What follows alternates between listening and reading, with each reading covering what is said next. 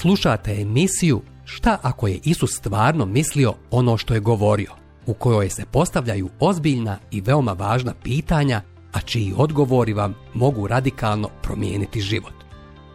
U slučaju da imate pitanja ili želite da znate više o našoj emisiji, na kraju epizode ćete dobiti informacije kako nas kontaktirati.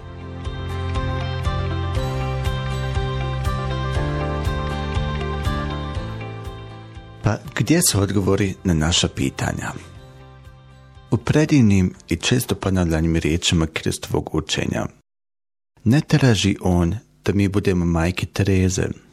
Poziva nas da umremo sebi. Umirati svakodnevno. Ko hoće ići za mnom, neka se odrekne sebe samog i neka uzme svoj križ svakoga dana. Pa neka me slijedi. Ili, kako to Pavle kaže, zato ne živim više ja, nego Krist u meni. A život koji sad živim u tijelu, živim vjerom u Sina Božijega, koji me zavolio i dao svoj život za mene. Galačani, drugo poglavlje, 20. stih. Nismo mi ti koji Isusa činimo gospodom, jer On to već jeste – pitanje da li mu se dovoljno predajemo već sada ili ćemo to učiniti kasnije, prisilno. Predanje je počinjavanje autoritetu, najjednostavnije rečeno, a u ovom slučaju autoritetu nad svakim autoritetom. Jednom će svaki jezik priznati da je Isus Krist Gospod na slavu Bogu Oca. U tom smislu Isus ne želi biti tek dio našeg života. Želi nas sasvim. Ne želi da se odrećemo ovoga ili onoga radi njega, da činimo samo odricanje. Želi punu kontrolu nad nama. Kada mu se predamo, želi sve. U potpunosti tačka. Da li Krista tek dodajemo svojim već postojećim planovima i snovima? ili se odrećemo kontrole prepuštajući mu da ispiše našu priču. Kao dijete sam jako malo gledao televiziju. Skoro da i nisam. Imali smo Super 8 filmski projektor.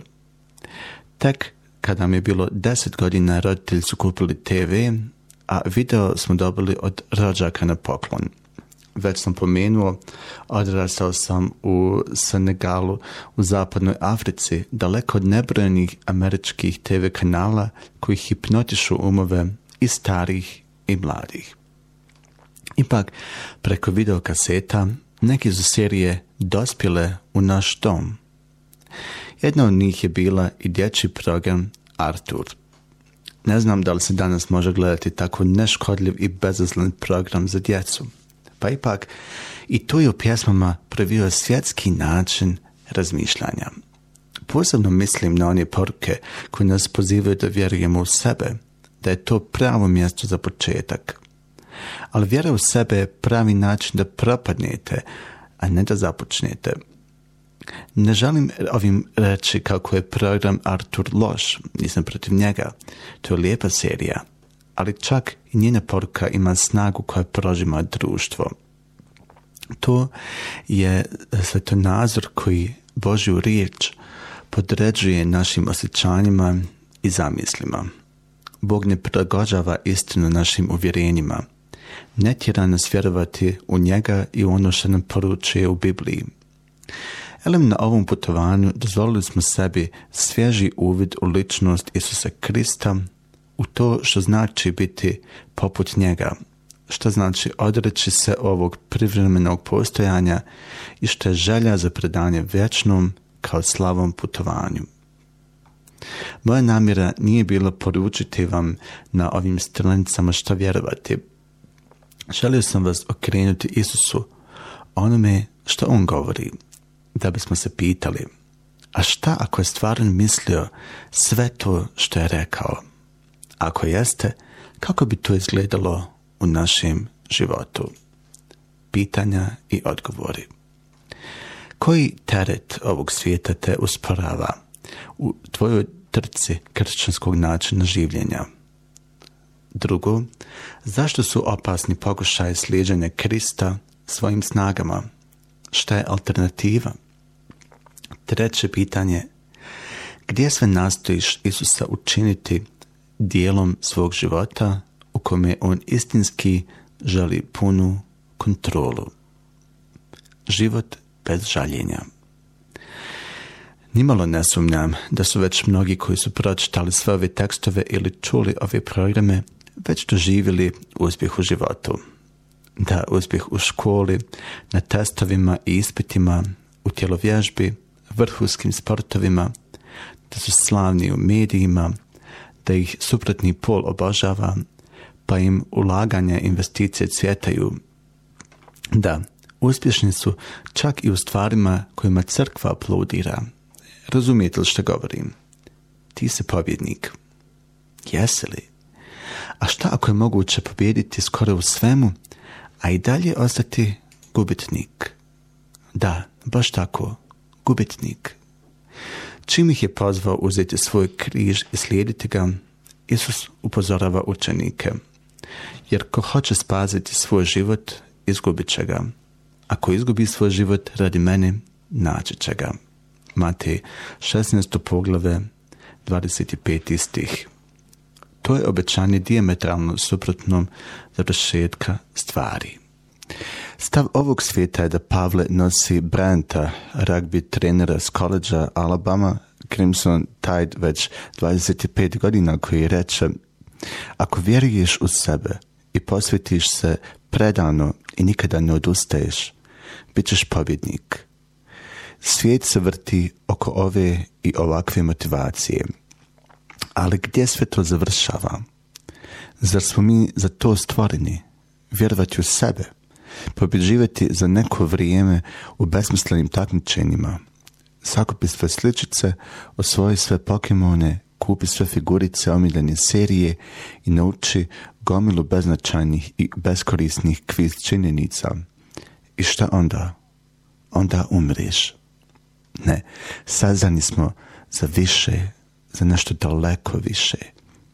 Pobjednik koji je izgubio – u Svetom pismu postoji primjer čovjeka koji je uradio sve što je mogao uraditi. Živio je punim plućima, po mjerilima svijeta, ali je upropastio sebe pred licem vječnosti. To je Dimas. Dobro je počeo, baš jako dobro. U poslanici e, Filimonu 24 je naveden kao jedan od saradnika apostola Pavla, i u Kološinima čet, to poglavlje četvrti stih se spominje kao neko koji je pored apostola. A gdje to pored? Najvjerovatnije u Rimu, u zatvoru. Dima se bio sjajan mladi čovjek voljan sarađivati sa Pavlom, makar i dijelio lance s njim. A onda više o njemu ne čitamo ni slova. Kako se Pavlovo životno putovanje bližilo kraju, često je pisao svom duhovnom sinu, Timoteju. I evo što se između ostalog spomenuo. Dimas me naime napustio jer mu je omilio ovaj svijet pa je otišao u Solun. Tragično. Zaplakati. Dakle, otišao je od njega u Solun, u grad koji je dobio ime po dvije grčke riječi, Tesalos i Nike. Svi znamo za Nike patike, za brand čuven širom planete. Ali jeste li znali da je to ime grčke boginje pobjede? Da, Nike znači pobjeda. Nike je bilo mjesto pobjeđivanja, ali stalo se riječ koja već priča drugu priču, jer znači prolazno, lažno i bezvrijedno. Zato da propustimo pouku. Solun, to jest Tesalonski, je mjesto prazne pobjede, pobjede gubitnika. Dimas je napustio Pavla da bi pobjedio, ali u tome i jeste bio problem. Pobjeda koju je zadobio biješe na posljedku bezvrijedna. Bez zadrške, bez povlačenja, bez šaljenja. U samom srcu Kajra je jedno pomalo jezivo i skoro zaboravljeno grovlje, okruženo visokim zidovima, zamandaljenim vratima, obraslo gustišem, uvijek bi me podsjetilo na film Tajanstveni vrt koji sam gledao kao mali. Čuo sam da su tamo grobovi iz 1800 i neke što me posebno zanimalo. Zato sam sa drugarom odlučio posjetiti ovo mjesto. Ali značaj naše avanture nije bio u tim starim zidovima ili drevnim nadgrobnim spomenicima. Ne, snaga je bilo u pričama, koji nisu mogli umrijeti i biti pokopani. Da bismo ušli na groblje, prvo smo obilazili okolinu, kako bismo pronašli osobu koju su povjereni ključevi. Potrebalo je to, ali smo pronašli čuvare, jednog postarijeg čovjeka. Otvorio nam je škripavu drvenu kapiju okovan željezom i dopustio nam istraživanje. Preskakali smo izlomljene ploče, ruinirana grobna mjesta. Čistili smo natpise i na posljedku smo uspjeli. Našli smo grob koji smo tražili. Pažljivo smo očistili svako slovo i brojku, a da se ukazao jedan natpis. William Witting Borden, 1887. do 1813. Bez zadrške, bez povlačenja, bez žaljenja. Rodio se 1887. godine u jednoj od najbogatijih porodica Amerike naslijedivši milione. Kada je diplomirao, na poklon je dobio nešto najdragocenije što je neko poput njega mogao dobiti. Putovanje oko svijeta. Odmah je vidio užasnu patnju na svakom koraku. Shvatio je potrebu ulaganja svoga života u nešto što će trajati do vijeka. Ovako je napisao ocu u jednom pismu. Dajem život svoj za misiju. I tako je i uradio. Prijatelji su ga pokušali obeshrabriti, odgovarali ga riječima da tom odlukom odbacuje samog sebe. Odgovorio im je tako što je na koricama e, svoje Biblije napisao bez zadrške. Obrazovao se na Jelu i Princetonu. Tamo je otpočeo misiju koja je radila sa gradskim pijanicama – Uspio je čak 70% svih studenata Jela okupiti na biblijskim proučavanjima, odbijao je plaćene poslove, odrekao se laganog života. Prijatelji su ga nagovarali da ne ide, ali on je na to na korice iste Biblije dodao riječi bez povlačenja. Nije dopustio da ga stvari ovog svijeta odvuku krenuo je brodom za Kinu decembra 1912. godine, ali se prije toga zaustavio u Egiptu kako bi naučio arapski. Čim je stigao u Kairo, bacio se na knjige, ali nedugo potom mu je otkriven meningitis. Napunih mjesec dana kasnije, 25-godišnji Borden se preselio u vječnost. Isusu, koga je volio i služio mu. O njegove smrti su pisali skoro svi veći listovi Amerike. Jedna žena je napisala, ovaj čovjek ne samo da je dao svoje bogatstvo, već sebe samog, i to tako radosno i prirodno. Kao da je sve to privilegija, a ne žrtva. Da li je ovaj mladi čovjek upropastio svoj život? Zar to nije bila preuranjena smrt? Ne prema riječi Božjoj, jer Isus reče, zaista, zaista kaže vam, ako pšenično zrno ne padne u zemlju i ne umri, ono ne može donijeti rod, nego ostaje samo. A ako umre, onda donosi mnogo roda. Ivan 12, 24 Šta je veći uspjeh? Živjeti dugo ili živjeti vjerno? Ko pobjeđuje? Onaj koji nagomila bogatstvo ili onaj koji gori od ljubavi za spasitelja i izgubljenje duše. U čemu je pobjeda? U sebičnim htjenima ili u nesebičnoj žrtvi? Kada su Bordonove stvari vratili njegove majci i sestri, pronašli su blago koje je pokazalo koliko njegov život bio valjano uložen. Naime, prije nego će posljednji put sklopiti oči, dopisao je još nešto na svojoj Bibliji – izjava ispod bez zadrške i bez povlačenja stavio je bez žaljenja. Hoćemo li i mi biti kada reći isto kada istrčimo trku svog života i stanemo pred gospoda Isusa Krista? U očima mnogih tima se bio pobjednik, a Borden gubitnik. Ali dolazi dan kada će sva ljudska vrijednovanja uspjeha i mjerila pobjeda postati bezvrijedna. Dolazi dan kada će svaki vjernik pojaviti pred Kristovim sudom, pred Kristovim sudom kako bi položio račun za život. Zlato i srebro ili sjene i slama, vrijedno ili bezvrijedno. Nije to sud o našem spasenju ili izgubljenosti. Ne, to je dodjela medalja, podjela vijenaca. To je ceremonija dodjeli nagrada kojom će Isus odati čast i nagraditi svoj otkupljeni narod. Koga? One koji ga ovdje i sada u ovom životu od srca i iz čistih motiva vole i služe mu vjerno samo za njegovu slavu. Nakon što je Isus pozvao narod da ga slijedi, odrekne se sebe, uzme svoj križ i ide za njim, dodao je. Jer ko hoće spaziti svoj život, izgubit će ga. Ako izgubi svoj život radi mene, naći će ga. Šta vrijedi čovjeku zadobiti i sav svijet, a životu svom naudi? Ili što čovjek može dati u zamjenu za svoj život? Neki prijevodi umjesto život kažu duša.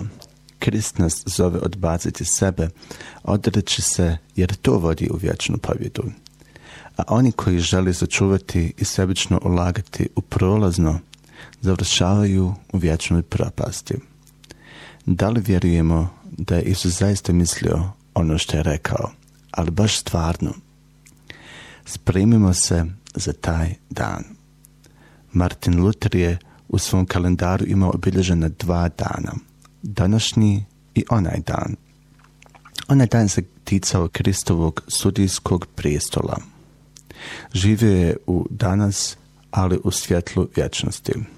Jonathan Edwards i Leonard Ravenhill su se svakodnevno molili Gospode, u moje oči utjesni žig vječnosti. Braća Wesley i George Whitefield su imali seriju pitanja, posjećajući se na svjetlost Boga pred gospodom. Baš kako reče sažito Pavle, zato se trudimo ugoditi mu, bilo da smo već kod kuće ili u tuđini, jer svi mi moramo se pojaviti pred Kristovim sudom. Ove riči ističu svjesni napor, plansku predanost. Pavle se trudio, ugađao Bogu. Ovo je poziv na trajnu budnost u prisustvu gospoda Isusa Krista, pred kim ćemo jednom stati. Svi imamo već zakazano kod njega. I ja i vi.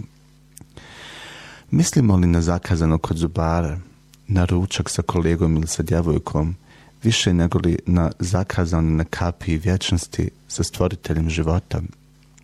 Rađe se i do sitnica spremamo stati pred oltar sa svojim izabrancom ili izabranikom na dan čanja.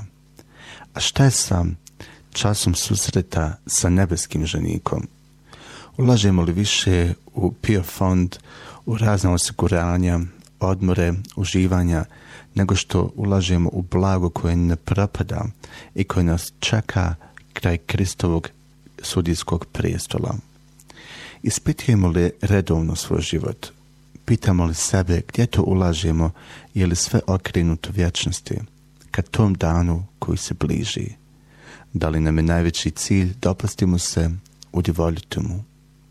Prijatelju, dopusti mi još jednom da te izazovem upriti pogled u vječnost i živiti u svjetlu dana kada ćeš stati pred gospoda Isusa Krista. Njegove posljednje riječi svima nama su Evo, dolazim uskoro.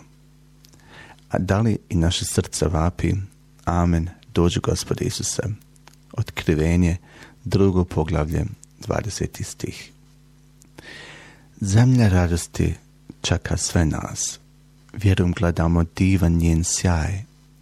Tamo čeka na svječni naš dom, svakoj patni i suzama kraj.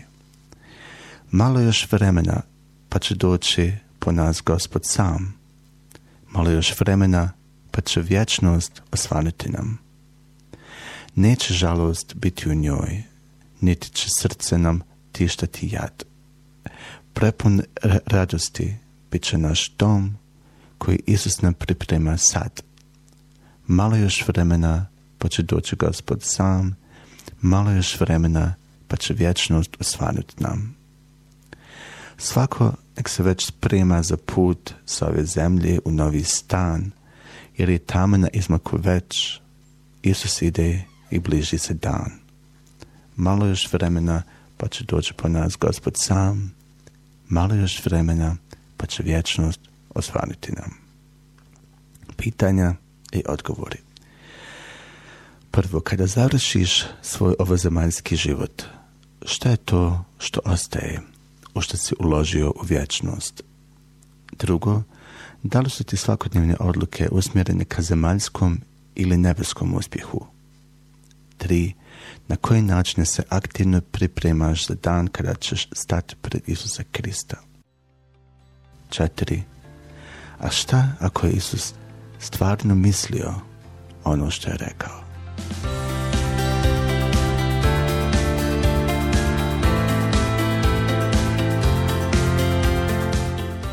Hvala vam što ste slušali današnju emisiju. Kontaktirajte nas putem našeg e-maila putpravednosti.bih ili putem naše Facebook stranice Put pravednosti. Zapratite nas na Facebooku i Instagramu. Do sljedećeg slušanja.